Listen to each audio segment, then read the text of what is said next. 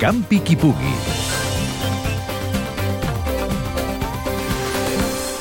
La tercera edició del circuit de curses de muntanya de les Terres de l'Ebre arriba al seu punt i final.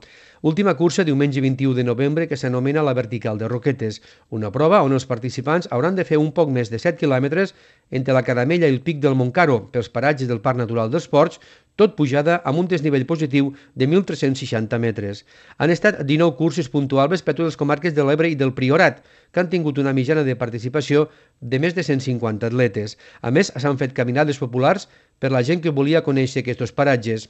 Un dels responsables del circuit és Enric Colomer. Després de 3 anys i en 20 curses ja projectades de cara a l'any que ve, no es pot parlar d'altra cosa més que de consolidació. Ja és difícil, a menys que canvien molt les coses, que, que això pugui desaparèixer. Ramon Curto té 25 anys, és llicenciat en Biològiques i ara estudia nàutica. Ha jugat a futbol i ara practica el circuit de, de curses de muntanya, on ocupa el primer lloc de la general. A nivell tècnic són carreres que són, solen ser entre les distàncies de mitja marató i, una, i alguns quilòmetres més, entre 22 i 25 quilòmetres, i en desnivells eh, acumulats que solen rondar els 3.000 3.000 metres. Això implica curses que solen durar des de les dues hores, que són les més ràpides, fins a les 3 hores, 3 hores i mitja, les, les més lentes per als, per als que arribarien primers. Són curses que estan molt bé i Catalunya és un gran referent mundial a nivell de curses de muntanya, però com, quan vens a córrer a, a les Terres de l'Ebre, les arribades, quan arribes a meta i trobes 50 persones animant-te, quan passes pels avituallaments i tothom t'anima, és una meravella que a vegades no, no es pot ni explicar. De cara al 2011 ja han concertat la majoria de les curses